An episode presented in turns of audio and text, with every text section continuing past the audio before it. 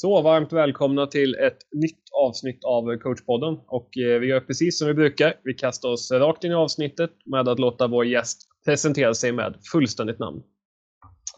Mika Pakalén, inget mellannamn. Ålder? Ja, hunnit bli 49, fyller 50 nästa år. Uh, med någon form av skräckblandad förtjusning ser jag fram emot uh, uh, den, den, den åldern. Bor? Eh, precis nyligen inflyttad till Aspudden, eh, övergett eh, mitt kära Södermalm efter många år. Eh, så att eh, sen en vecka tillbaks, eh, två tunnelbanestationer eh, söderut på linjen mot Norsborg. Eh, Aspudden eh, blev det. Så att, eh, det ska bli kul. Eh, väldigt fin stadsdel. Nej, nu blir det... Men massa favoritlag sådär. Hammarby naturligtvis eh, laget i hjärtat. Eh, eh, och, och, sen som gammal, eh, så, så, pass gammal som jag är så blev man ju intutad med eh, tips extra och så vidare. Så att Arsenal är det laget som, som eh, jag, jag gillar i, i, i fotboll då.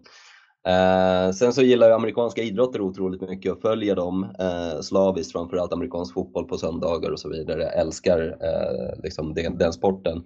Och sen så har jag en bakgrund också att jag har varit och pluggat i eh, USA eh, och eh, då är det Minnesota Vikings eh, som, som eh, är, är, laget i NFL. Då. Eh, hockey eh, spelade jag också eh, länge och väl och då fastnade jag för Montreal Canadiens. Eh, och någonstans gemensam nämnare för alla de här fyra lagen är ju att det är inga medgångslag direkt. Så att, eh, man, man, eh, det var länge sedan de vann någonting. Så att det brukar vara verkligen sådär att man har ångest när man följer de här lagen nu, numera. Men om man nu tittar lite grann mot innebanden då så, så finns det väl några lag som hjärtat klappar lite extra för. Min moderklubb Tyresö som sedermera blir Tyresö Trollbäcken naturligtvis. Uh, och sen så hade jag en enormt rolig tid i Balrog. Uh, så att uh, Balrog Oilers är väl fortfarande, även fast de är på dekis uh, numera, men det är fortfarande mycket, mycket fina minnen därifrån och många fina vänner framförallt uh, som, som man fick. och sen har jag två döttrar som, som spelar innebandy. Min äldsta dotter, hon spelar och pluggar nere i Varberg och då blir det ju att man följer dem lite extra. Och sen har jag min min tonårstjej, 14-åriga, som spelar i L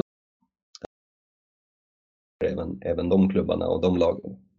Så lång, långt svar. Skulle du säga att om du då kollar på innebandy, liksom, kommer du in då i ditt supporterskap att du liksom kollar ur ett coachperspektiv eller kan du sitta som bara liksom supporter och kolla eller hur funkar det? Ja, jättebra fråga. Det här, den här frågan eh, har jag funderat kring ganska mycket och sådär.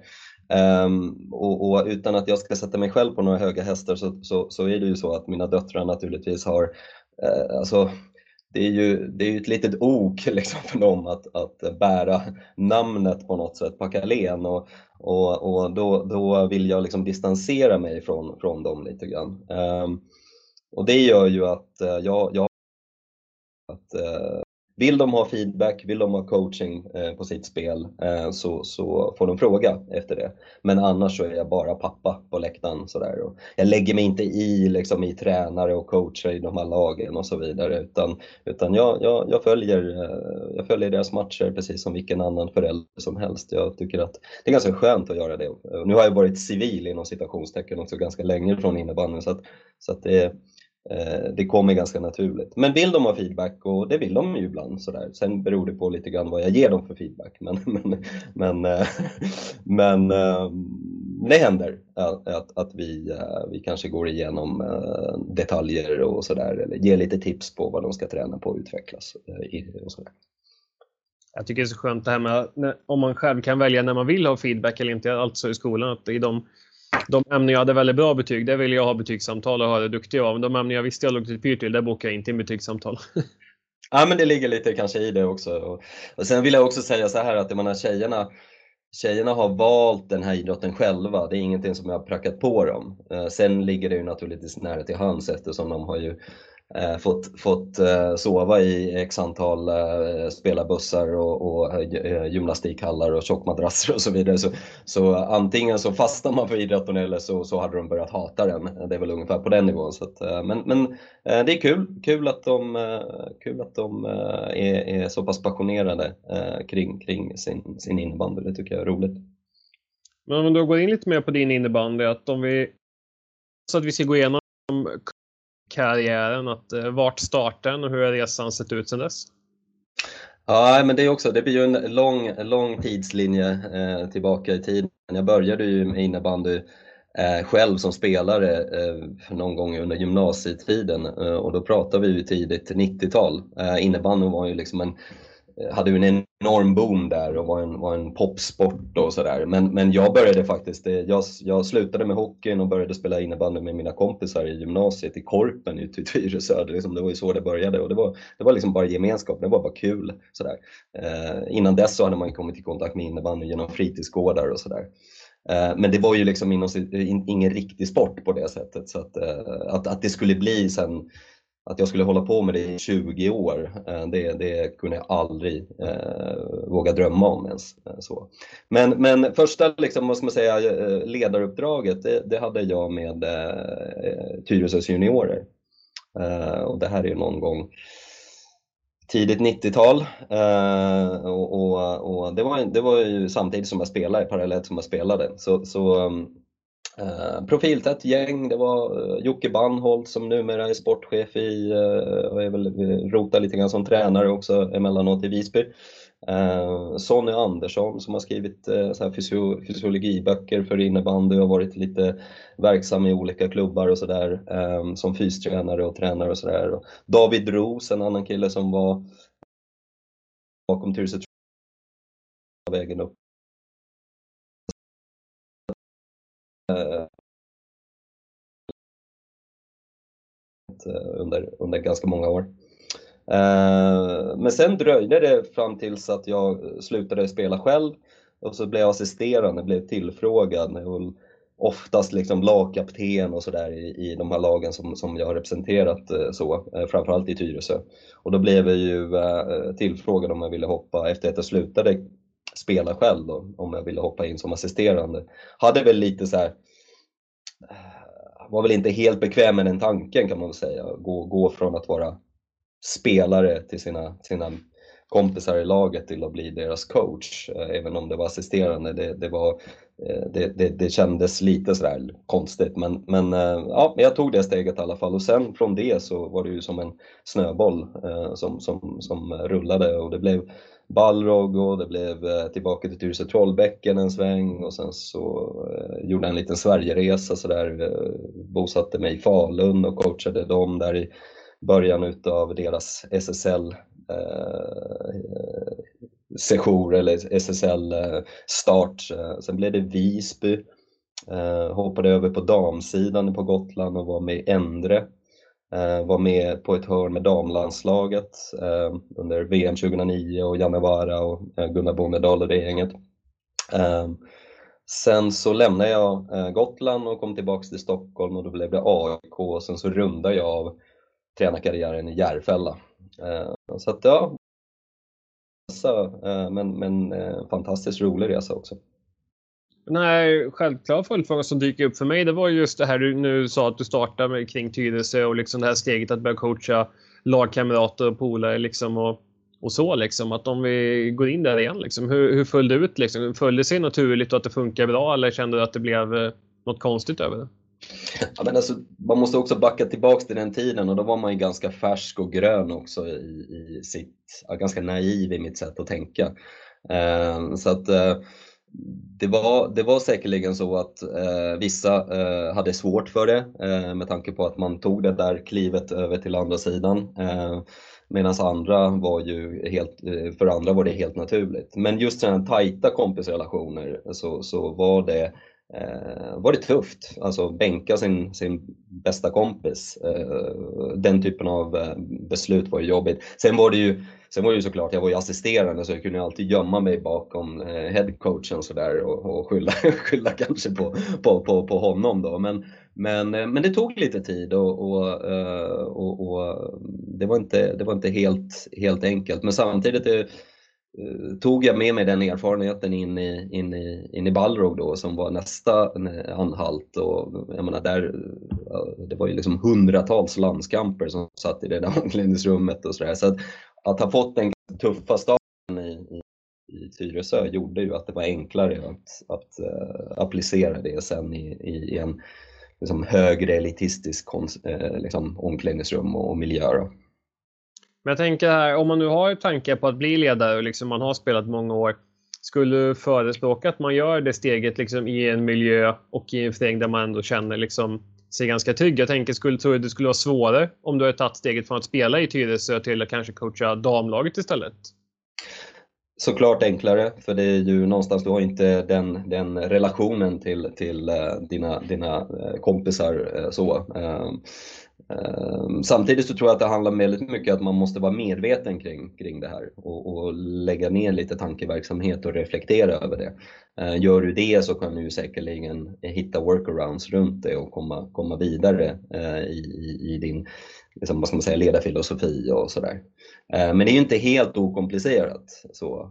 Det här kan ju hända inom näringslivet också, att du eh, Eh, blir chef över dina gamla medarbetare, dina kollegor. Eh, och, och, det, är ju, det är ju egentligen samma sak som, och det har jag också råkat ut för inom situationstecken. Så att, så att eh, någonstans att ha haft det här med sig så, så har ju någonstans, jag lärde mig av mina misstag och lärde mig också, eh, byggde på de insikterna som, som eh, vidare i karriären sen.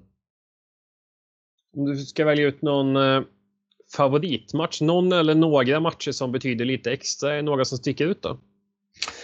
Ja, men det finns ju såklart de här helt liksom, självklara så, äh, matcherna som SM-finalerna, äh, både, både 02 äh, eh, som var den första SM-finalen som spelas i en match, där vi förlorar efter en lång 35 minuters sadden mot Pixbo.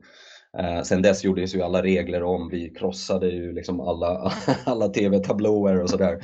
Eh, så att det, det är ju egentligen den matchens fel att det numera är eh, en, en tidsbestämd sadden och sen så blir det ju eh, straffar då.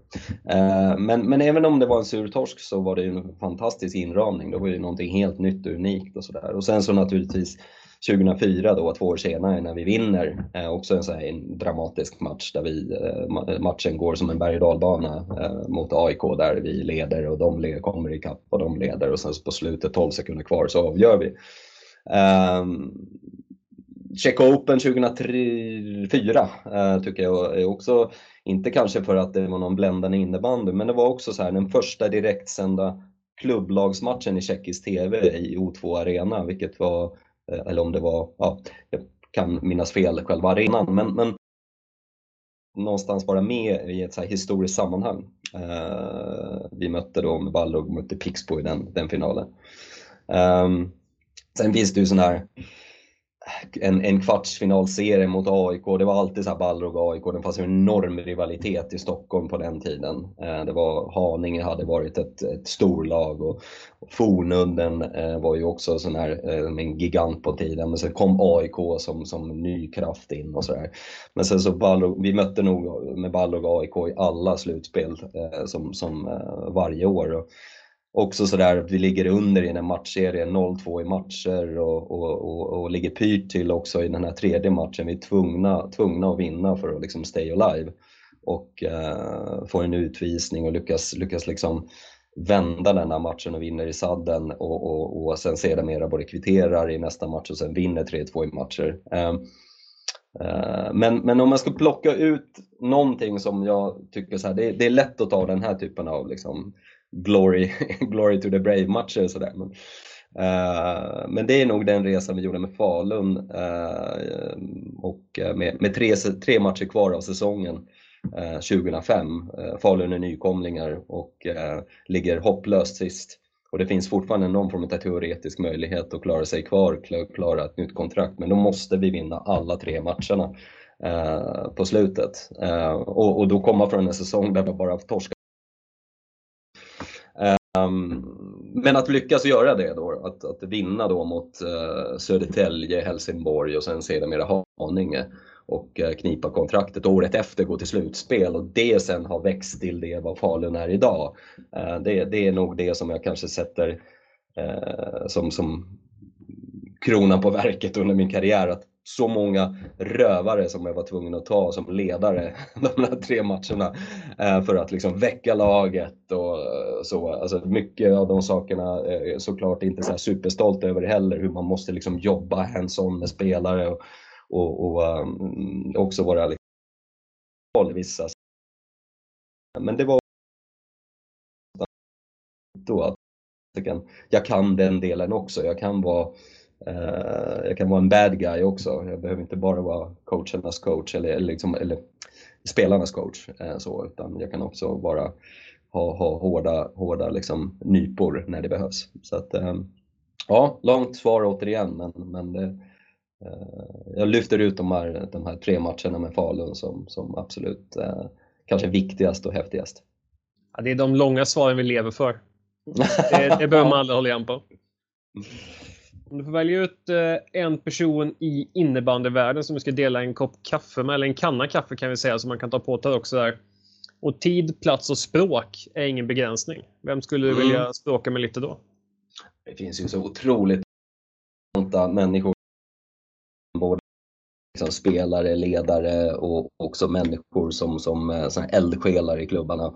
Så det var inte helt lätt sådär tycker jag. Men, men Eh, en person som jag eh, någonstans beundrat mycket det är ju Lasse Granqvist eh, och, och, den resan eh, och så, han har gjort inom innebandyn men också den mediaperson han är och så vidare. Otroligt proffsig liksom, i alla, alla lägen. Nu har, ju, nu har jag ju tagit kaffekoppar med Lasse så, att, så att jag väljer inte honom.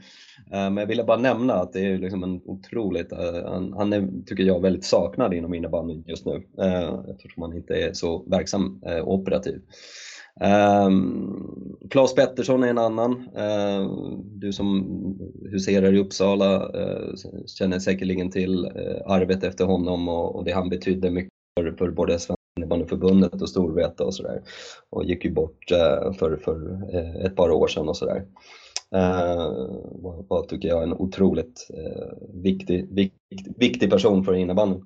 Men jag väljer Jocke Nordström. Uh, uh, Jocke och jag, uh, Jocke är kanske den största anledningen till att jag har kontakt med innebandyn eh, överhuvudtaget. Han var ju liksom Mr Tyresö kan man väl säga eh, från början. Och sen så gick han ju till AIK och han var ju mannen bakom AIKs resa upp till, till SSL och sen var han med, ja, grundade också det här 2-2-1-tänket och jag minns att vi hade många, många diskussioner kring det eh, runt köksbord och så vidare eh, som var med i landslaget och så vidare. Och, eh, ja, nu går ju Jocke igen i sig själv rent med sjukdom och så vidare. Så att jag tycker att eh, det skulle vara kul att eh, ta den där kaffekoppen eh, efter många, många år och knyta kontakt med, med Jocke igen.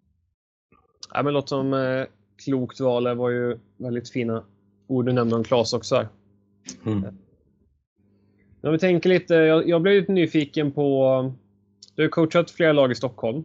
Och sen så mm. var du liksom en, uppe i Falun och coachade och du nämnde Visby och Endre på Gotland där. Att, vad var liksom kontrasten för dig som kom från Stockholm till att komma liksom ut i landet? Att var liksom en stor skillnad i träningskultur och sådana saker? Ja, alltså den, det, det, det är en superintressant fråga. Eh, och, och, ja, kulturkrocken var ju stor när jag kom från eh, Stockholm eh, och framförallt Balrog eh, till, till Falun. Eh, det, det, det,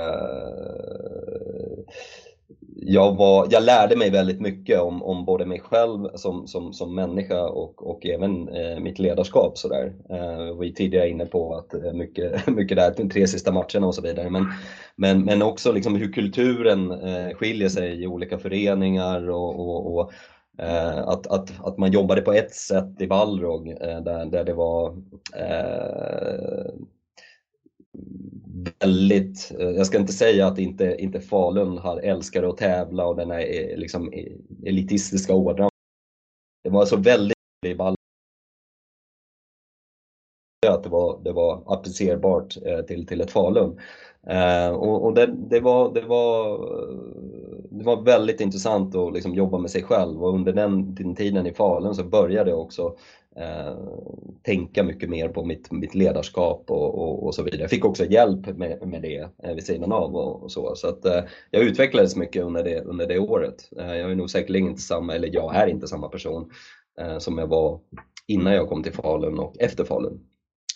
Eh, det var sen lättare att ha med sig till Visby och, och någonstans eh, ta, ta, ha, ha, ha, lite mer ödmjukare approach till saker och ting. Inte tro att man kan allting, att man är störst, bäst och vackrast och kan allting bäst och sådär.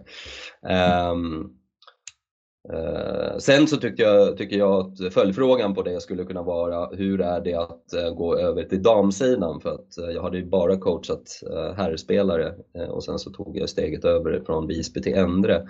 Och, och jag, fick, Eh, jag har fått den frågan många gånger hur, hur det skilde sig. Eh, och, och svaret på den frågan är ju förvånande nog inte alls.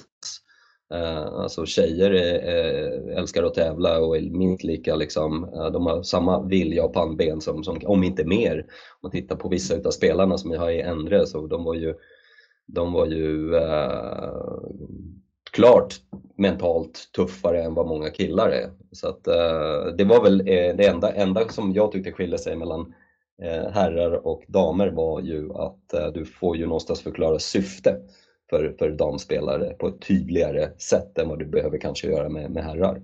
Sen skiljer det sig i spelet såklart, vilket man var ju tvungen att också Um, hitta, hitta, uh, hitta saker uh, och att man måste försvara sig på ett annat sätt och Eh, en, en målchans på, på herrsidan är ju, kommer, ju, kommer ju betydligt längre ifrån. Eh, hotet kommer tidigare än vad det kanske gör i, i, inom daminnebandyn. Eh, så så sådana saker var man tvungen att, och, jag var tvungen att liksom kalibrera mitt, mitt, mitt innebandytänk på, på ett lite annat sätt.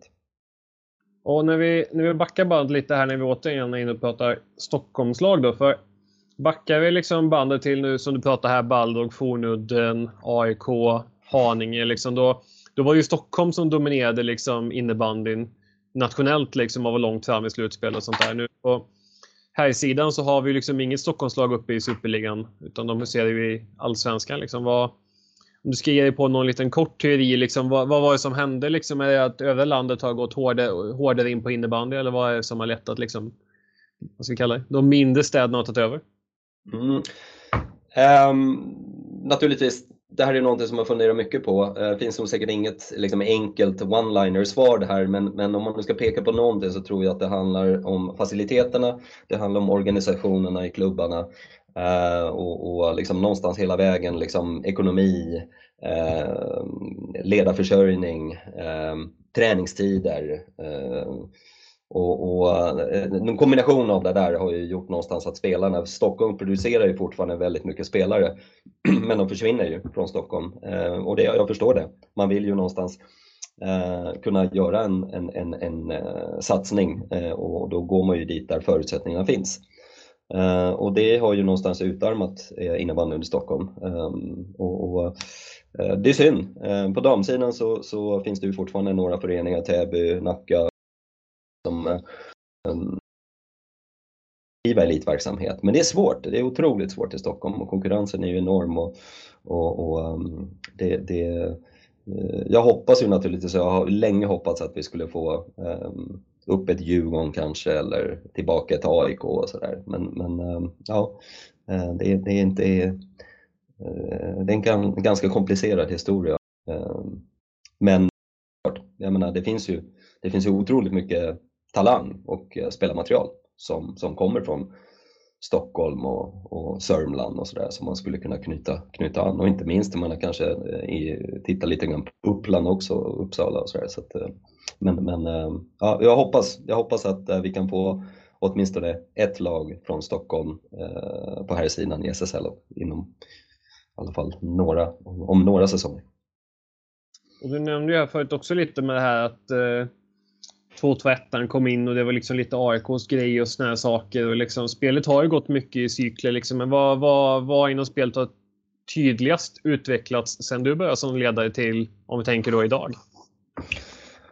Eh, allt, höll jag på att säga. Alltså det är ju en helt annan idrott idag, uh, en, en, en helt annan sport än vad det var, var uh, när jag började spela och när jag eh, liksom började coacha och sådär. På ett sätt så kanske jag har mig själv att skylla lite grann, för jag var väl, eh, utan att återigen eh, sätta sig på höga hästar, men, men jag var väl en av de här eh, moderna nya coacherna, unga coacherna som kom som hade, jag hade utbildat mig på Bosön och, och hade nya tankar och, från, från GH och sådär. Eh, och jag ville ju någonstans nå en seriositet kring innebandyn. Eh, sen har jag ibland eh, så lite filosofiskt tänkt tillbaka, så här, var, det, var det rätt? så där. Eller borde vi ha skyndat långsamt med tanke på att det, man kan ju nu låter man ju som en, som en gammal farbror här, men, men lite grann av det här av liksom lirarnas sport och det här har ju försvunnit. Så.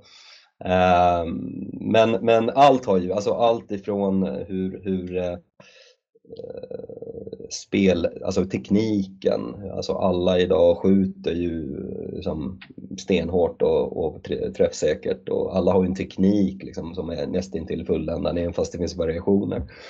Eh, såklart. Och alla är liksom atleter, och tar hand om sig på, på ett sätt, eh, både på och utanför plan. Eh, lever för sin innebandy liksom, på ett helt annat sätt.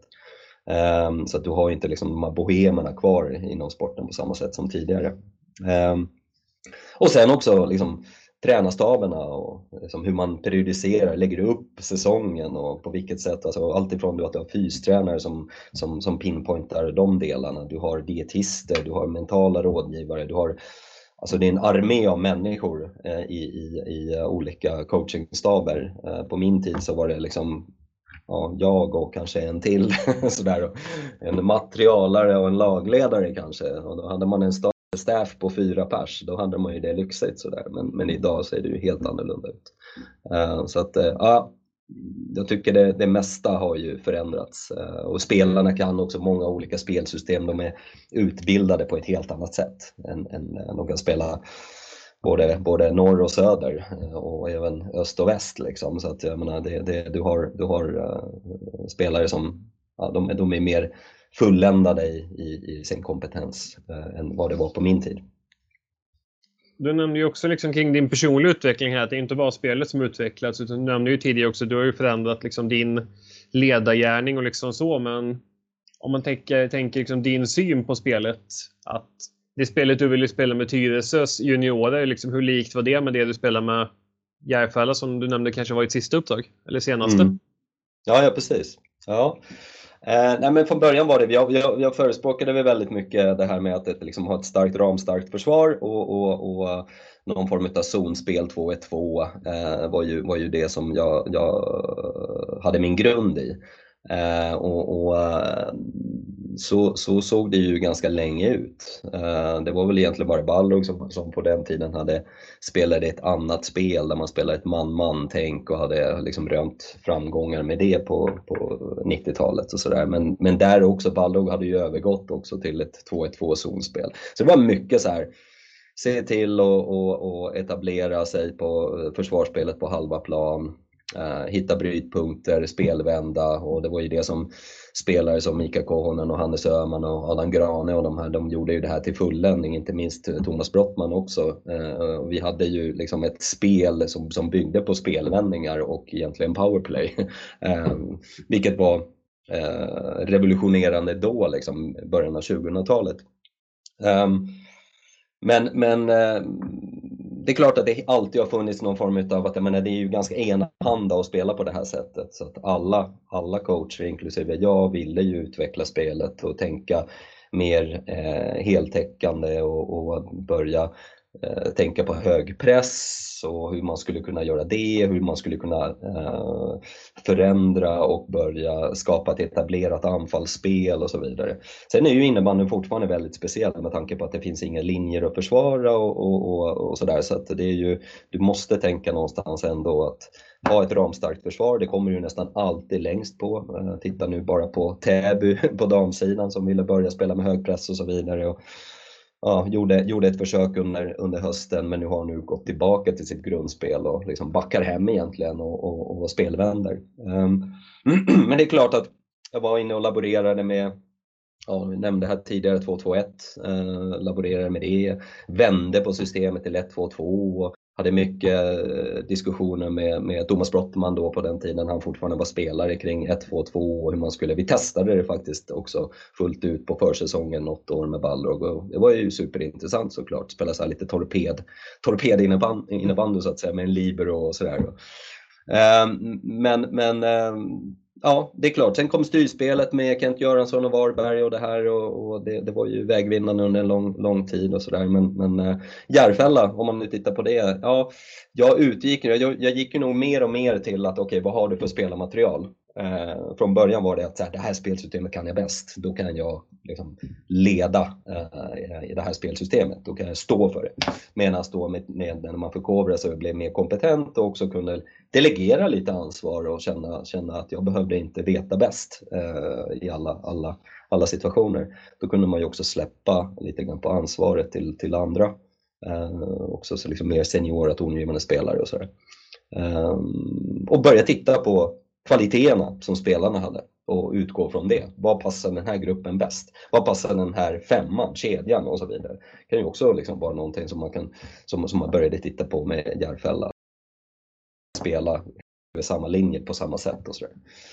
Det låter ju som att ja, men det är ju självklarheter, men det var inte självklarheter då.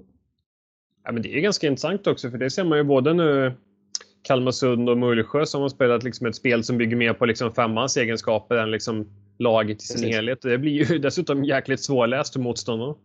Mm. Och det, det, är ju, det är ju intressant. Jag tycker det, är, det är sånt här är ju superspännande att, att titta på uh, och följa just från liksom, expertkommentators position. Uh, så. Sen finns det ju svårigheter i det, det är klart. Liksom, om du är mitt i ett byte och så vidare. Vilket spelsystem är det du ska spela? Är det det spel, eller, eller femman som är på väg att byta eller, eller byta från planen eller det, det, det, det gänget som är på väg in. Och så där. Så där kan ju bli, då måste man hitta någon form av mellanting också eh, som, som eh, gäller i de lägena. Men, men jätteintressant att spelet utvecklas och taktiken utvecklas. Jag tänker liksom det här med att vara ledare och ledarfilosofi och liksom sådana här saker. Att, eh, hur, har du liksom någon gång haft det nedskrivet att liksom, det här är jag som ledare eller liksom hur har du liksom jobbat med det liksom för att säkerställa liksom ändå att vissa saker funkar? Ja, jag tycker väl någonstans att en, en, en, en värdegrund och en ledarfilosofi är viktigt att eh, åtminstone skriva ner för sig själv och, och, och reflektera över. Eh, ja, inte minst sådär när man har, eh, jag har ju haft inom, inom näringslivet ledaruppdrag och sådär och då tycker jag det är ganska skönt att, att kunna bottna i någonting. Vad står jag för eh, som, som ledare, coach och, och, och så, chef eh, för den delen. Eh, så att, ehm, ja men det finns väl vissa, vissa grundbultar som jag tycker jag, jag ja, själva fundamentet finns där alltid. Det här är jag och det här står jag för och det kan jag någonstans eh, också förmedla ut till både spelare och, och, och medarbetare och sådär. Så att eh, det, det, tycker jag ändå är, är, viktigt. Sen kan det ju klart alltid justeras och ändras i olika kontext och olika, olika grupperingar men, men jag tycker att det är ändå viktigt att ha, ha eh, någon form av grund att stå på. Det, det tycker jag. Vad, hur har din grund sett ut? Ja, nej men alltså jag, jag, jag tycker ju någonstans att eh, det gäller ju, jag vill gärna vara tydlig i mitt ledarskap. Eh, som både, både lyhörd och, och rättvis och så vidare. Eh, bygger ganska mycket mitt ledarskap på liksom FIRO-modellen och sådär. Jag, jag, tror på den gruppdynamiska processen och sådär, att man agerar lite olika beroende på vilken fas eh, någonstans eh, liksom grupperingen, laget, teamet, vad det nu än är, är i. Uh, jag, jag, jag vill uh, ha en, liksom en, en, en proffsig approach och inställning. Uh, både vad gäller min egen kompetens och, och liksom den kvaliteten som, som, som, som jag bidrar med. och, och försöka också ständigt lära mig saker så att man inte står still och blir blir passé i, i ledarskapet för det händer ju otroligt mycket inom det här området varje dag egentligen.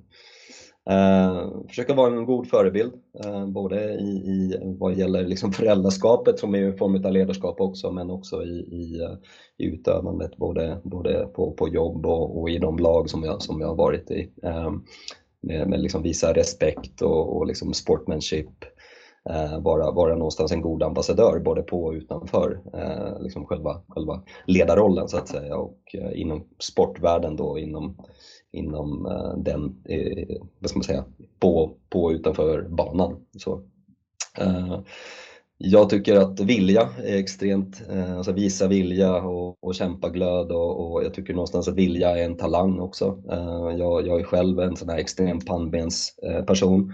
Eh, jag har, jag har ju liksom inte haft eh, talangen så till egentligen någonting i livet, på att säga. Så att det, det handlar väldigt mycket om att liksom ta fram, eh, knyta näven och, och liksom kämpa. Eh, så, eh, det, det, det, delas inte ut några free rides eh, i, i, livet. Eh, eh, älskar att tävla eh, och, och, vill också att mina, mina, mina spelare och medarbetare och så vidare, att de också har det i sig. Eh, och försöker i alla fall väcka fram det eh, hos, hos, eh, i jobbsituationer eh, hos, hos eh, mina medarbetare. Det är ju liksom lite skillnader mellan med liksom ett lag och kontra ett jobb. Så. Uh, uppmuntra, um, uppmuntra mod framförallt skulle jag vilja säga eh, och, och, initiativ och vara innovativ och, och liksom våga. Eh, så det, det, ska, det ska belönas även fast det kanske eh, man, man, det går fel eller man failar och så vidare så tycker jag ändå att det är viktigt att man hela tiden försöker istället för att vara passiv. Liksom. Och sen då glädje och kärlek inte minst, det är kanske det viktigaste. Alltså vi, visa någonstans uppskattning och glädje och liksom passion för min, min, kärlek till. Eh, jag tycker det finns äh, fantastiska citat äh, som Theodore Roosevelt myntade för säkerligen 200 år sedan att det handlar inte hur mycket jag vet utan det handlar hur mycket jag bry, alltså visar att jag bryr mig om. Och det, det, det, det, tror jag stenhårt på. Så någonstans där i den eh, kontexten. Jag måste ju flika in här lite med, liksom, du har ju pratat om ledarskapet även utanför liksom, innebandyn och laget. Att i familjen, i liksom, civila yrken och sånt där. Att hur stor, ska vi kalla det, merit skulle du säga det är i ett CV liksom, om man ska anställa någon att den har varit en idrottsledare? Stor. Eh, jag, har, jag har haft väldigt eh, stor nytta av eh, idrotten och de ledaruppdrag.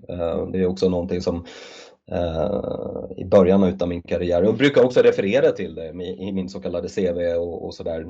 Att, att jag är liksom född och uppvuxen i ett, i ett omklädningsrum och, och tittar man utifrån så här leda, ledarskap så, så eh, det, det, ehm, det bästa sättet att testa ditt ledarskap det, det, det är i ett omklädningsrum i ett elitlag. Eh, Alltså antingen så har du det eller så har du det inte. Det, det, det går inte att gömma sig i den, den miljön. Eh, det, det, det, det, går inte att fejka sig utan där, där står du liksom ganska naken. Eh, så. Och får du gruppen med dig eller får du inte den med dig? Det, och har man, har man den erfarenheten så, så är det ett eh, stort plus i, i, oavsett vad det är för ledaruppdrag du, du, du har. så att, det, det stor, som sagt, jag, jag har haft enorm nytta av, av uh, att uh, kombinera, uh, ta med mig de godbitarna och erfarenheterna från, från idrotten till, till liksom, näringslivet och liksom, chefspositioner där. Jag tänker, vi ska titta lite på spelet internationellt. Du nämnde själv att du varit med kring ett innebandy-VM 2009 med, rätta mig om jag fel, men det var damlandslaget då va? Mm, precis, jag var med på ett hörn där och bara eh, scoutade eh, motståndarna. Eh, la ju naturligtvis mest tid på Tjeckien och eh, Schweiz och eh, Finland. Då. Om man tänker liksom då, om vi backar bandet några år, liksom, att hur, hur är liksom inställningen till det internationella spelet varit? Liksom, var det, har det alltid liksom jämnt och hetsigt och liksom bra matcher eller liksom, hur, hur har det sett ut genom åren? Alltså det kom ju någon form av brytpunkt. Jag var väl tidigt sån här, en av de här olyckskorparna som, som sa att eh, Finland, på herrsidan då pratar jag, Finland kommer springa förbi oss. Eh, och blev nästan utskrattad av, av allt och alla. Sverige hade ju mer eller mindre blåst Finland av banan och var liksom ohotad detta och sådär. Um, jag, jag, märkte det här ganska tidigt eh, på eh, tidigt 2000-tal. Eh, vi hade ju en hel del finska spelare i, i, i Balrog och, och, de finska ledarna, det var, det var ett gäng finska ledare som, som kom över pölen ganska ofta och specialstuderade hur vi eh, tränade, eh, vad vi tränade på, Eh, hur vi spelade taktiska saker. Och, alltså, de var ner på liksom, skruv och mutternivå och sådär. Och, och eh, också så här, jag är finsktalande också så pratade ju en del med, med de ledarna som kom över. Så de tankade verkligen, sög verkligen det bästa, bästa och det bästa av, av eh, svensk innebandy och sen paketerade de om det till sitt. Eh, och, och, mycket riktigt så hade de den här gyllene generationen med Mika Kohonen och de här gubbarna i spetsen och, och byggde ett landslag som, som eh, sen tog över och, och blev, eh, tog över tronen. Och någonstans där så har de inom finsk eh, innebandy lyckats eh, både producera och utbilda ledare men som också har sen utbildat spelare. Med den lilla spelarmaterialen som de har så tycker jag att om man tittar på toppen av pyramiden, det vill säga e-, elitdelarna, så lyckas de extremt väl. Eh, mycket, mycket bättre än vad vi gör på här, eh, på, på, på, på här i Sverige på, på eh, både på eh, ungdomssidan på här sidan än så. Um, så att um, Ja, jag tycker att eh, det finns säkerligen eh, mycket att lära hur de jobbar fram eh, sina, hur, hur ser deras ledarprogram ut och, och, på vilket sätt så eh, tar de ner det på, på, på golvet sen på gräsrotsnivå. Eh, och det ska bli intressant nu att se nu hur vi hur vi inom Sverige eh, ska bli marknadsledande igen på här sidan. På damsidan är det en annan, annan femma. Där, där tycker jag att Sverige är liksom ohotad detta. Det finns liksom, det är Sverige, Sverige, Sverige på topp tre och sen så kanske eh, Schweiz och Finland eh, och, och, och Tjeckien kommer därefter. Så att, där är ju en annan sak. Men, men eh, nu med eh, Brottman och Nordén här. Det ska bli eh, kul, och, kul, och, kul att följa dem. Hur, hur de, eh, det, det, är så många bitar också, rent matchcoachingsmässigt eh, så tyckte jag att fin, finnarna låg ju liksom ljusår före. Och emellanåt så kan jag fortfarande tycka det, även om jag kanske inte har följt internationell innebandy så tight som jag gjorde tidigare. Där måste jag flika in, matchcoaching tycker jag är ett ord som är intressant för det jag, jag, förstår innebörden samtidigt som jag inte förstår innebörden. Eh, vad som definieras med det. Liksom. Men du säger att Finland var väldigt duktiga på det. Finns det något konkret du liksom har reagerat på att det här gör de konsekvent under matcher eller just de här små fingertoppsgrejerna? Eller finns det någonting som sticker ut för dig? Uh, ja, men några, några, faktorer som jag tyckte då uh, tidigare, eller de var, de var uh, liksom snabbare på och, och, och tidiga med. Eh, de hade olika liksom matchplaner, eh, eh, så alltså plan A, plan B, plan C. Så om inte plan A funkar så gick man vidare och sådär. De kunde också kasta om informationerna på ett helt annat sätt. De hade också väldigt liksom, tydliga taktiska drag som de gjorde mot olika spelare i svenska laget. Mot eh, Henrik Kvist, före detta Solback, så gör vi på det här sättet. Eh, mot Peter Fischerström gör vi någonting helt annat när vi forecheckar och så vidare. Hur agerar vi liksom mot eh, Carl Johan Ireus eller Kim Nilsson och, och så vidare. Så de hade de, de, de hade liksom satt ihop ett, en, en helhet på ett helt annat sätt. Eh, också tankar var de, hur, de, hur rörligheten såg ut med, med, med, med spelet med boll och spelet utan boll och sådär. Eh, så att, eh, jag tyckte att rent, vi, vi, vi kanske, nu kanske jag raljerar lite grann, men vi, vi i Sverige lutade oss lite grann eh, för mycket tillbaka och lät liksom någonstans spelarna göra, göra upp på plan. Sådär. Eh, medan finnarna var mycket mer på eh, och, och liksom olika spelare matchades mot olika motståndare och sådär. Eh, så de var tidigt igång med den här typen av tankar. De använde tiden i båset mycket mer noggrant och disponerade det mycket mer noggrant än vad vi, vad vi gjorde i, i Sverige. Det är otroligt intressant. Om man tittar på de här olika innebandy-VM som har, som har spelats, liksom, är det något som för dig sticker ut lite extra? Ja, alltså jag är ju så pass gammal så jag var ju med liksom 96 redan, eh, första VM i, i Globen och det är väl fortfarande vill jag hävda, eh, kan man säga, gammal gubbeskröna återigen, att, att det är eh, någon form av publikrekord fortfarande för innebandyn. Eh, jag tror att det var bara påven och Bruce Springsteen som har dragit mer publik i Globen. Men, men det, var ju, det var ju såklart häftigt och var, var, var, det, var en del av det. Inte just av själva landslaget men att vara i, vara i Globen då. Det var ju helt liksom unheard of att innebandyn kunde dra in 15 000 människor till, till Globen. Sen, ja, sen, sen idag så, så är det ju en helt annan femma med SM-finalerna och sådär eh, så, så, såklart. Men, men, men den, den matchen där jag tyckte som, som har varit eh, i mitt tycke den häftigaste det är ju eh, VM-finalen i Hartwall Arena eh, 2010. Eh, Sverige-Finland. Uh, Kent Göransson har ju säkerligen, uh, du har ju haft honom i den här podden, han har säkerligen dragit, han var ju förbundskapten och upplevde ju det här ring, ringside verkligen. Uh, men men den matchen är, för mig var det en sån här wow-upplevelse att innebandy hade nått någon form av nivå. Det, det, det gick snabbt, det var inte bara publikinramningen och, och liksom att finnarna var Eh, det var, det var fullsatt och liksom så, man, man hörde ju liksom ingenting annat än, än, än liksom finska fansen. Eh, så. Men, men snabbheten i spelet och också eh, på den nivån som matchen spelas. Sverige spelar bra, spelar på toppen av sin förmåga men är ju helt chanslösa mot, mot det här finska laget som når liksom klimax, når sin kulmen på något sätt. Uh, för mig var det för mig var det en, en sån här Eh, någon form av upplevelse av att okej, okay, innebandy kan se ut på det här sättet. Eh, sen är det svårt att sätta det i kontext till idag.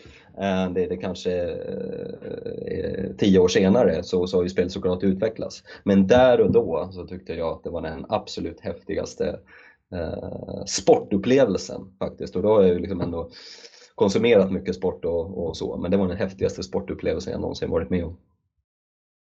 Vilka, kommer du ihåg någonting vilka som var de eh, tongivande spelarna respektive land, land om man tänker bara två, tre stycken i varje?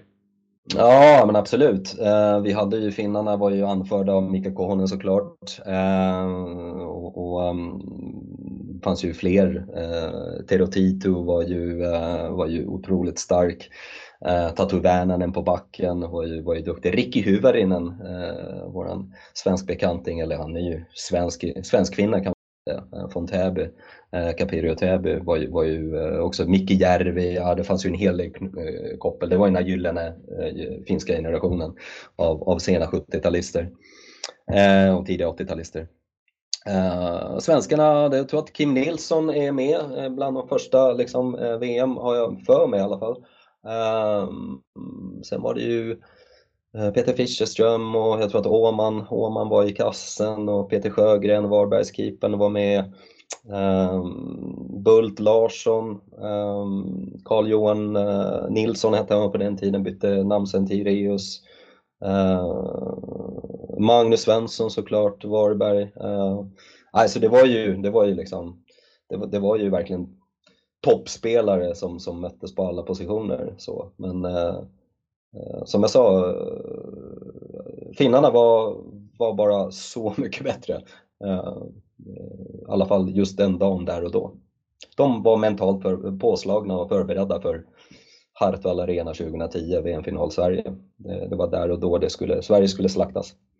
Och Det är intressant, det kan man ofta se, liksom, det pratar man ju liksom i, i många andra olika sammanhang också just med Finland, att de är väldigt duktiga på att eh, på något sätt få ut max av sina bästa spelare när det väl gäller. Liksom. Att de kanske de kan se bedrövliga ut mot Tyskland i gruppspelet. Som jag vet i JVM i hockey då undrade ju folk vad de höll på med och sen var de bäst i världen när det var kvart, semi och final. Liksom. Att mm. Det typiskt finskt eller är bara någonting vi i Sverige upplever eller vad, har du någon tanke om det?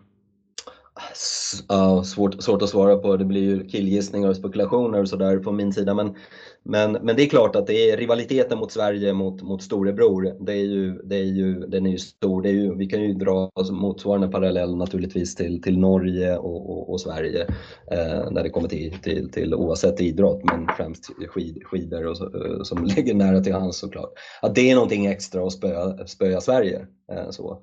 Eh, och, och eh, Uh, och då är det ju liksom, då, då, då det är någon form av extra tändvätska.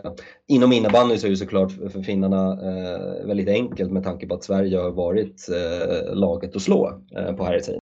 Så då är det ju, det, det, krävs ju liksom ingen större raketforskning att, att det är ju liksom, det är ju, det är ju, det är ju den matchen som gäller. Allt annat är ju ganska sekundärt.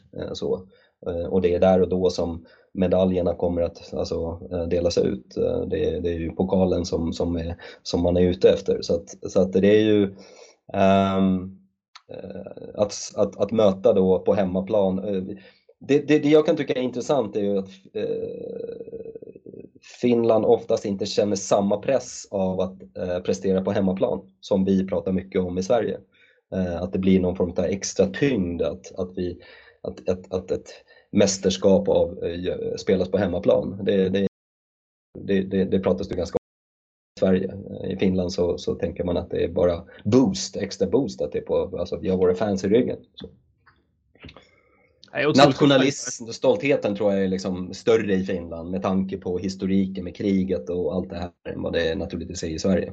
Det, det väger ju in naturligtvis också. Men om man tänker liksom hela den här totala upplevelsen med att åka och besöka ett innebandy-VM, liksom, är det något du skulle rekommendera varmt till varje person? eller? Absolut. Eh, ja, ja, eh, det är ju otroligt häftigt att, att besöka ett VM och, och se Eh, ja, men hela vägen från, eh, låt oss kalla det blåbärsnationerna, eh, med eh, vilken, vilken fas de är i, ett Singapore eller Thailand och, och, så vidare och sen så då hela vägen till, till, eh, till eh, Finland, Sverige och de här lagen. Men också den här det här communityt som, som det skapar i hela världen. Det är ju, I vissa länder så är innebandyn fortfarande en, eh, i startgroparna medan i andra länder så, så är det ju eh, väldigt etablerat. Men, men att det blir en, en stor gemenskap. Eh, så. Det, vi kan ju uppleva den till en viss del när vi kommer till SM-finaler men det blir ju mer homogen grupp liksom inom, inom Sverige. Det här blir ju mer det blir ju en större spread på ett VM. Så att eh, eh, hoppas att vi får uppleva det igen eh, med tanke på rådande situation i världen, och så, men att vi ska få, få till det här. Jag eh, tycker ju att eh, det är minst lika charmigt att titta på de här eh, länderna som inte är så utvecklade ännu. Och har ju också haft förmånen att ha lite sådana här coaching clinics i Singapore och sådär. Det, är, det är otroligt häftigt och komma ner på den nivån och, och liksom förstå eh, vilka pionjärer de här ledarna är i de här länderna och vilket enormt last de drar. Det går ju här leda tillbaka till kanske 80-talet, 90-talet i, i, i, eh, här i Sverige, eh, vad, vad eh, alla eldsjälar gjorde då för sporten.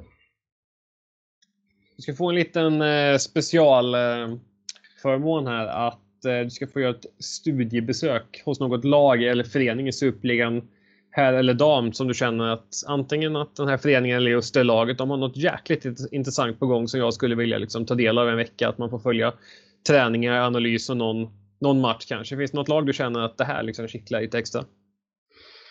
Ja, äh, återigen eh, klurig och intressant fråga. Äh, det finns liksom det finns ju många lag sådär som man funderar kring. Vad är det, vad, vad, What, what, what's the secret sauce lite grann. Dalen är ju ett sånt som, som alltid någonstans levererar på, på en hög nivå oavsett liksom hur många spelare som, som man tycker på pappret är helt okända och nya.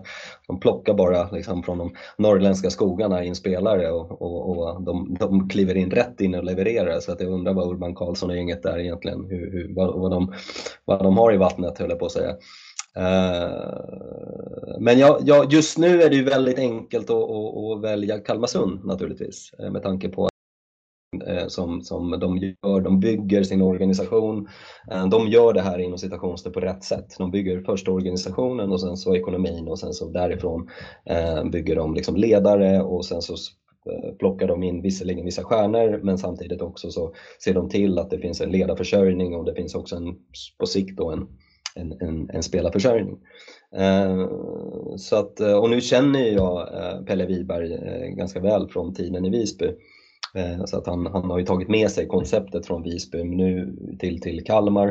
Eh, det är bara det att nu på fastlandet eh, så har han ju en möjlighet, liksom en större kanske nätverk att bygga, bygga ifrån än vad han kunde göra eh, på Gotland. Så jag väljer Kalmarsund. Det skulle vara otroligt intressant att liksom följa dem bakom kulisserna. Hur de jobbar med sina sponsorer, hur de jobbar, paketerar föreningen, eh, marknadsför den hur de jobbar med liksom, eh, ledare, hitta en röd tråd i föreningen och, och, ja, det, det, de är verkligen något spännande eh, på spåren, någonting som också är hållbart för, för, för framtiden. Jag tänker också, du är lite aktuell just nu för att eh, du, liksom, du är tillbaka i innebandybubblan i form av att du sitter och kommenterar matcherna. Vad var det som lockade mm. att eh, påbörja det jobbet? Um, ja, det, det känns jättekul att vara tillbaka um, och, och göra någon form av uh, comeback. Uh, även om det sker nu från, från liksom, uh, kommentatorsbåset och sitta, sitta som expert. Uh, nu, nu har jag ju naturligtvis fuskat lite sen tidigare. Jag var med och, som expert både i TV4 och Radiosporten och, och, och så tidigare. Men, men eh, det som är kul med den här satsningen eh, det är dels eh, någonstans att Eh, man, Expressen som, som har då uh, rättigheterna nu och, och x antal år framåt, uh, de, de försöker ju också, uh, Anders Borgström gör ju ett e-, enormt jobb tycker jag för, för innebandyn och skriver, han är ju liksom heltidsanställd någonstans och att bara Eh, pumpa ut innebandyartiklar och så vidare. Jag tycker räckvidden är, är, är, intressant. Jag tror att kanske det här formatet är absolut det bästa för innebandyn. Eh, tidigare har vi haft eh, en, en, en stor, stor liksom broadcaster som, som har kört en match i veckan och sådär.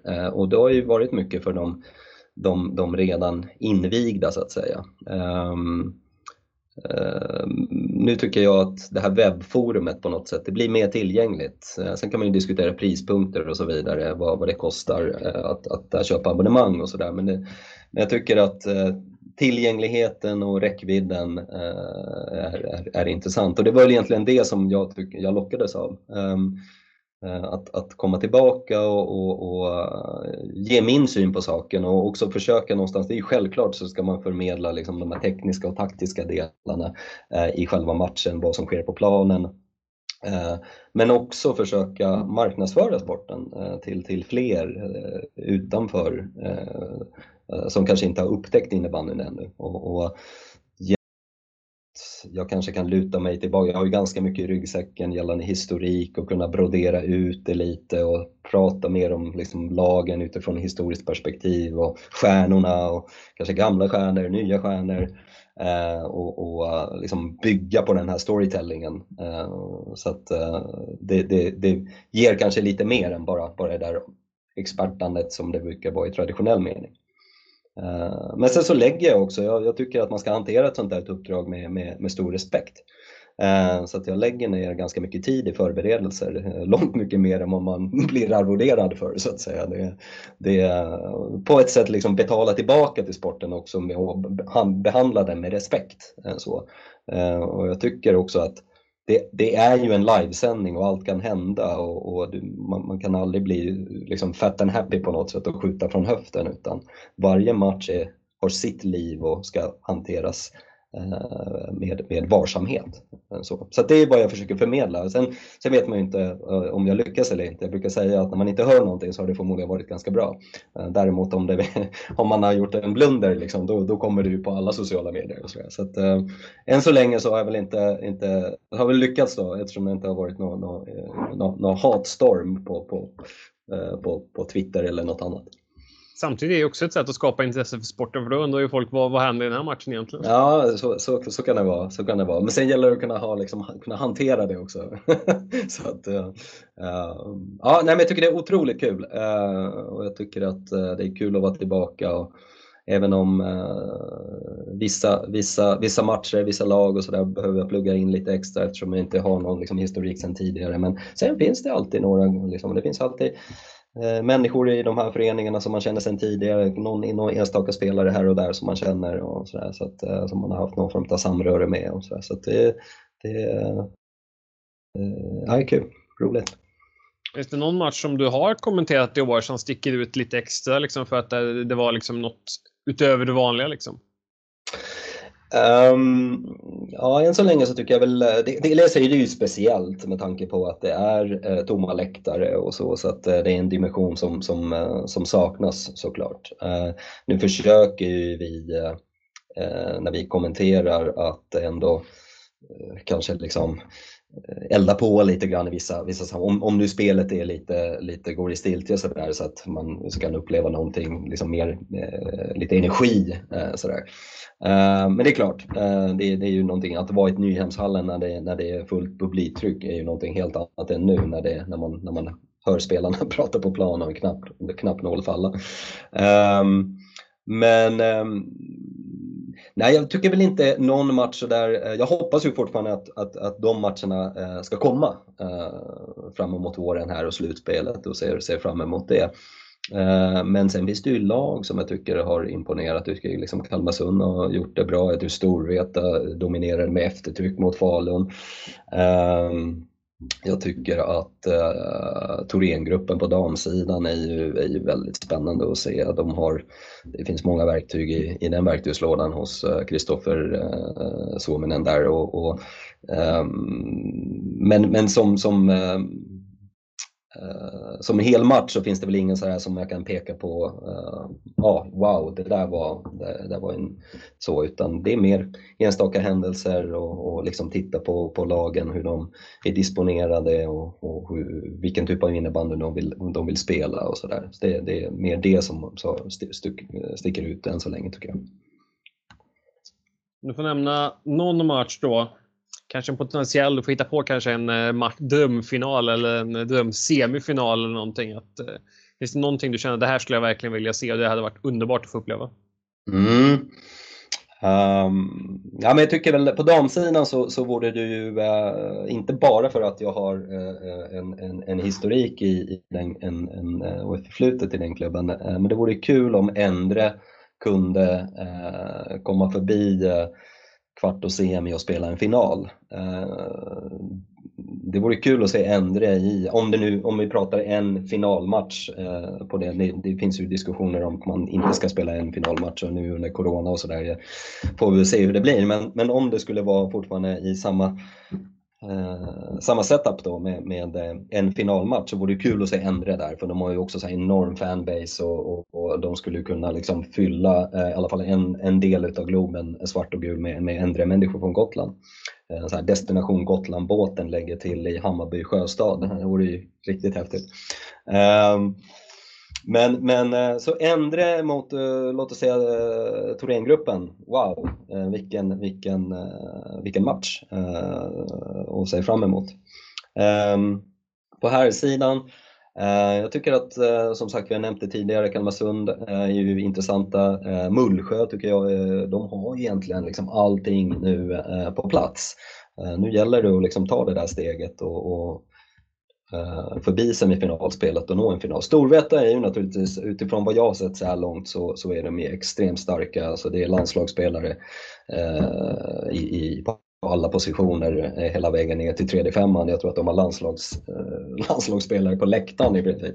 Eh, så att det är ju, det är ju de, och de har ju fått ihop ett ramstarkt liksom, spel också. Um, Falun, uh, där är jag lite mer osäker. Uh, det, jag vet ju eh, vad, vad, vad Thomas Brottman går för uh, och han har säkerligen S i rockärmen.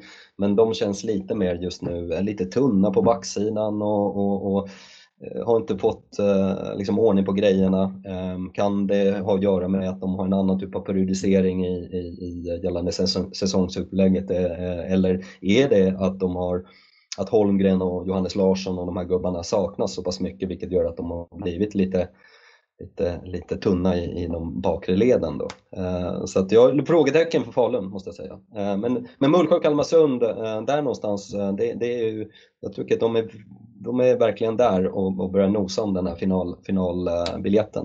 Eh, så eh, ja, varför inte ett Kalmarsund mot, mot Storvreta i, i, i, i, i en SM-final. Eh, det skulle säkerligen, Mullsjö också för den delen, wow vilka publikmatcher, vilken inramning. Ja, Mullsjö, det, det är väl de, ska säga, backar man band också Varberg, liksom, det är väl de riktiga liksom, supportergrupperingarna. Liksom. Men nej, var mm. kloka val.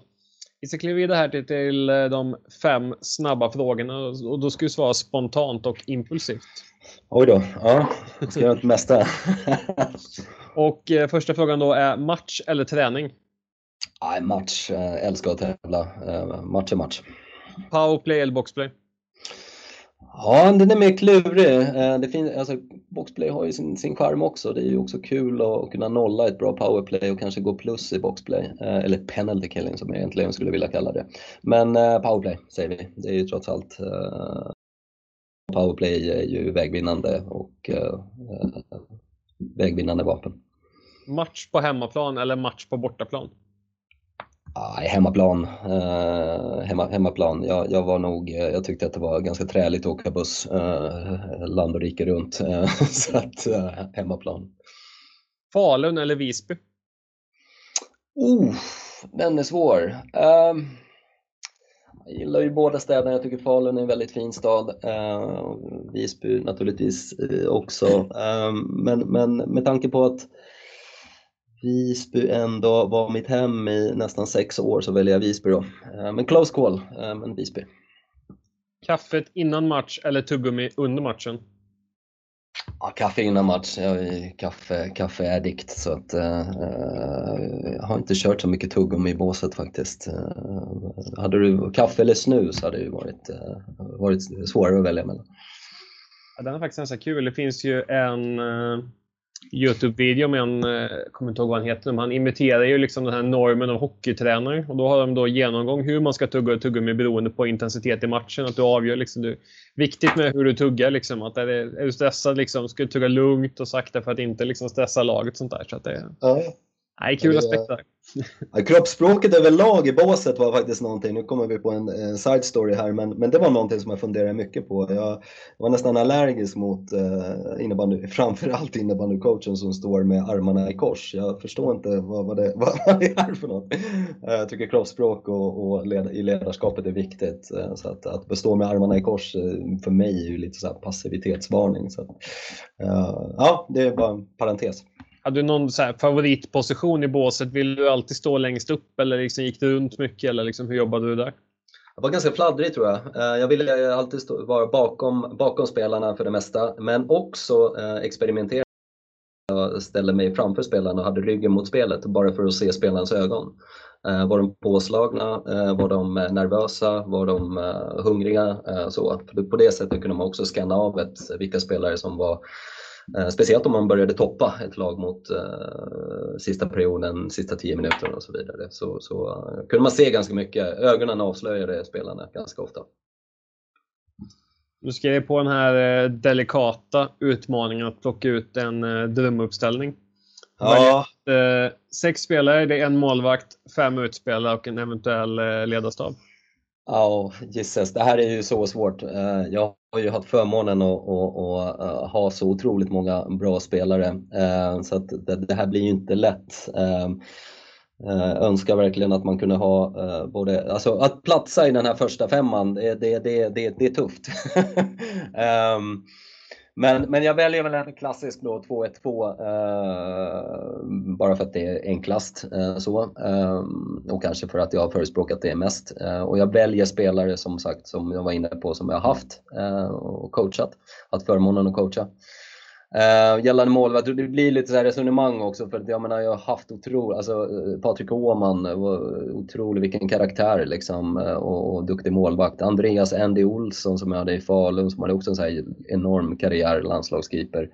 Niklas Lernvåg uh, i, i, i Balrog var ju, var ju och, och hade också en förflutet i Fornum. Otroligt duktig målvakt och så här banbrytande målvakt. Men, men till syvende och sist så väljer jag ändå Papo Sintonen, eh, finsk keeper eh, som, som jag hade i Balrog och hade även i Falun. Eh, och det är nog mycket för att han var ju trots allt den som bärgade SM-guldet 2004. Eh, så han, han eh, eh, av de här fyra så väljer jag Papo. Eh, också en härlig, härlig karaktär, eh, härlig människa. Um, ja, börja med, börja med börja bakifrån med backar, eller börjar du med bakifrån med målvakt så att eh, det ser naturligt med backar. Um, uh, högerback, uh, Charles Thomas Brottman. det är ett ganska givet val tycker jag. vi har också haft mycket med, med varandra att göra eh, genom åren. Jag är också skyldig till att eh, familjen eh, Brottman Lindström flyttade till Falun och är bosatta fortfarande i Falun så de får, de får blamea mig.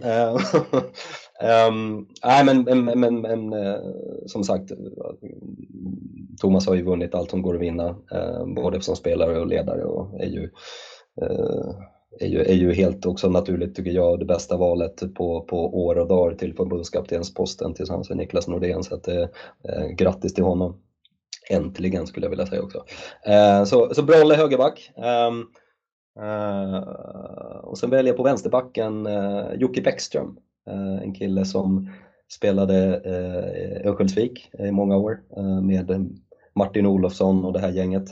Eh, jag eh, stiftade bekantskap med honom i Falun lurade ner honom till eh, Visby också eh, så att han tog stegen ner till division 2 tror jag eh, i Visby och gjorde lite gästspel där. Otroligt fantastisk människa och, och träningsfenomen. Driver numera Modo, Modos fysakademi eller training academy eller vad det nu heter i Örnsköldsvik och är också en kille som har fystränat många utav NHL-proffsen eh, på, på somrarna och sådär. Eh, härlig, härlig människa. Ehm, center, och det, det, var väl egentligen det enklaste valet, eh, i Mika Kohonen.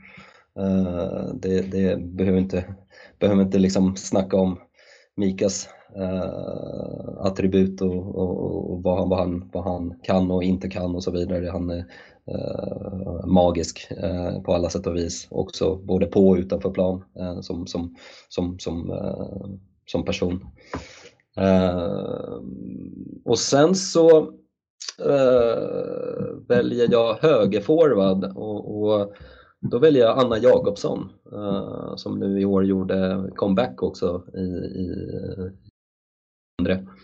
Eh, Anna, Anna tycker jag är Eh, det är så här vinnarskallarnas vinnarskalle på något sätt. Ehm, det, det, hon, hon, eh, hon har ju burit liksom Endre under sin, sin, sina, eh, sina, på sina axlar under väldigt lång tid och det var också liksom all, alla generationer av Endre har ju på något sätt haft Anna Jakobsson i sig.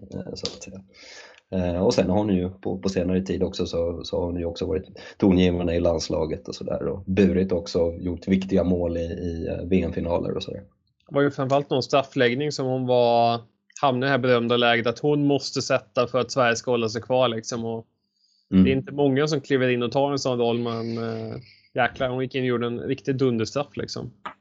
Ja, alltså det är kul att du just nämner det för att just där och då när man, när man eh, det går säkerligen att, att googla fram det här Youtube-klippet, eh, kolla på de ögonen som, som Anna har. Alltså det, failure is not an option. det, det, är verkligen så. Det, hon kommer sätta den, det, det ser man liksom. Det är så självklart. Eh, att hon ska lägga den straffen, det, det, är, liksom, det är få, med, få, få spelare i världen oavsett nivå som kan göra det, oavsett sport. Men, men att hon skulle sätta den, det var, det var helt givet. Det finns inget annat.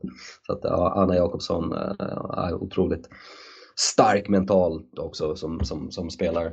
Eh, och sen vänsterforward, Christian Hellström. Eh, tycker Christian eh, också en, en bes, den, den, de, de, den liksom tekniken som, som, han, som han hade i och, och de, de uh, mindsetet som han hade. Uh, han hade bland annat en sån här häftig grej att i varje SM-final um, så, så, så lovade han sig själv och hela laget att det första han gör oavsett så kommer han skjuta.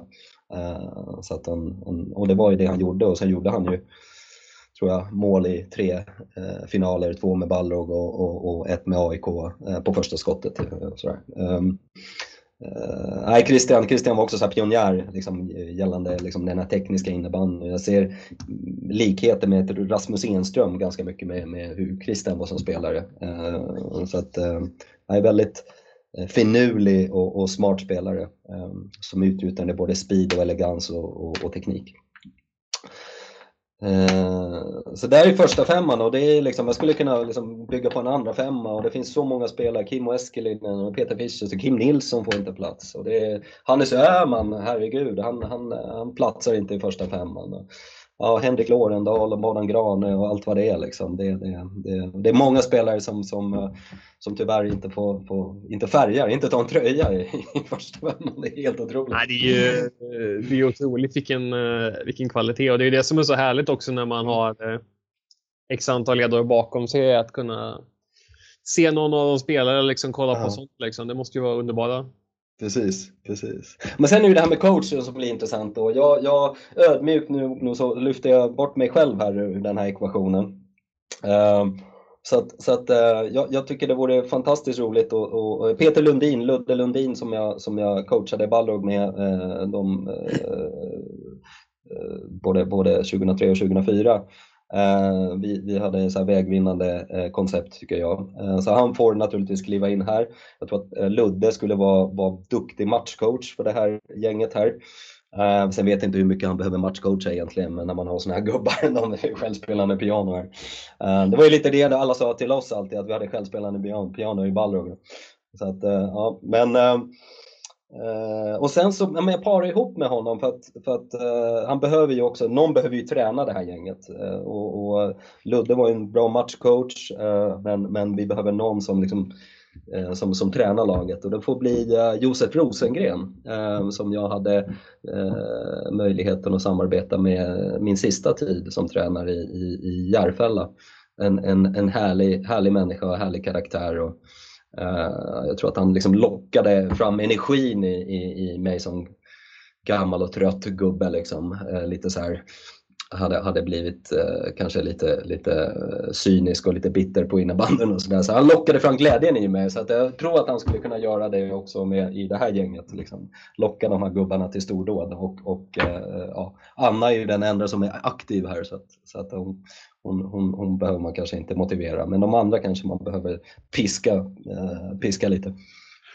Ja, det är ju otroligt. Det skulle vara, skulle vara väldigt kul också. Jag slogs ju tanken någon gång i och med att man bara har liksom en femma och målvakt. Liksom, att det, man blir lite begränsad i matchcoachingen utifrån att du, det enda sättet du kommunicerar är ju faktiskt att ropa in till dem. Men ja, det hade varit kul att se liksom den desperationen man står och ska få kontakt med någon på bort till kanten där.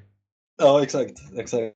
Eh, ja, nej, men det, det, nej, det, var, det är som sagt, det var, det var, det, det var klurigt det här eh, att ta, ta, ut, eh, ta ut ett lag. Men nej, kul.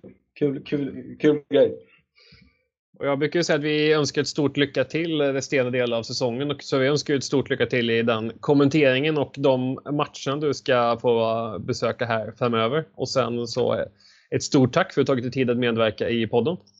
Ja, men, tack själv. Eh, du gör ett fantastiskt bra jobb eh, med den här podden och, och det har varit en ära att få med. Det är många, många innebandystorheter som, som, eh, som har varit med i den här podden före mig och säkerligen efter mig. Så att, uh, I keep up the good job.